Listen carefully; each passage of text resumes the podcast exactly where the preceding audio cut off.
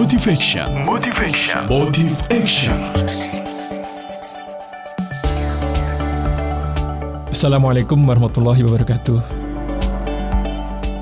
Mitra Muslim, sarapan pagi kali ini adalah tentang Undang-Undang Pro Spesialisasi.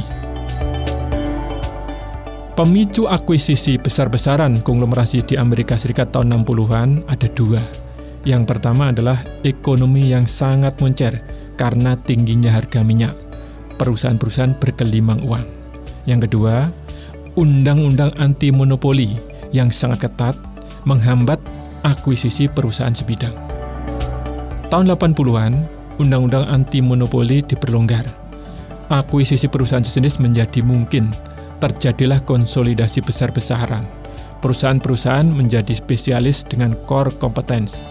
Sesama spesialis bersinergi menguasai dunia. Contohnya adalah Coca-Cola yang di mana-mana selalu bergandengan tangan dengan McD, hadir berdua di mana-mana.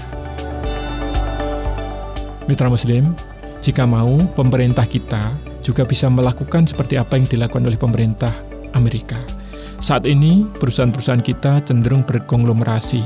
Apa pun dikerjakan, semua mengerjakan semua kalau kita mau menang dalam persaingan antar negara, maka kita harus spesialis. Kita harus menguasai core kompetens dengan sangat-sangat amat.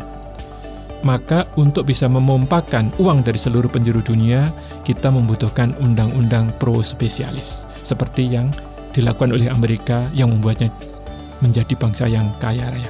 Kita juga bisa. Saya Iman Supriyono, dari Sarapan Pagi Persembahan Asana Consulting untuk Suara Muslim Radio Network. Wassalamualaikum warahmatullahi wabarakatuh.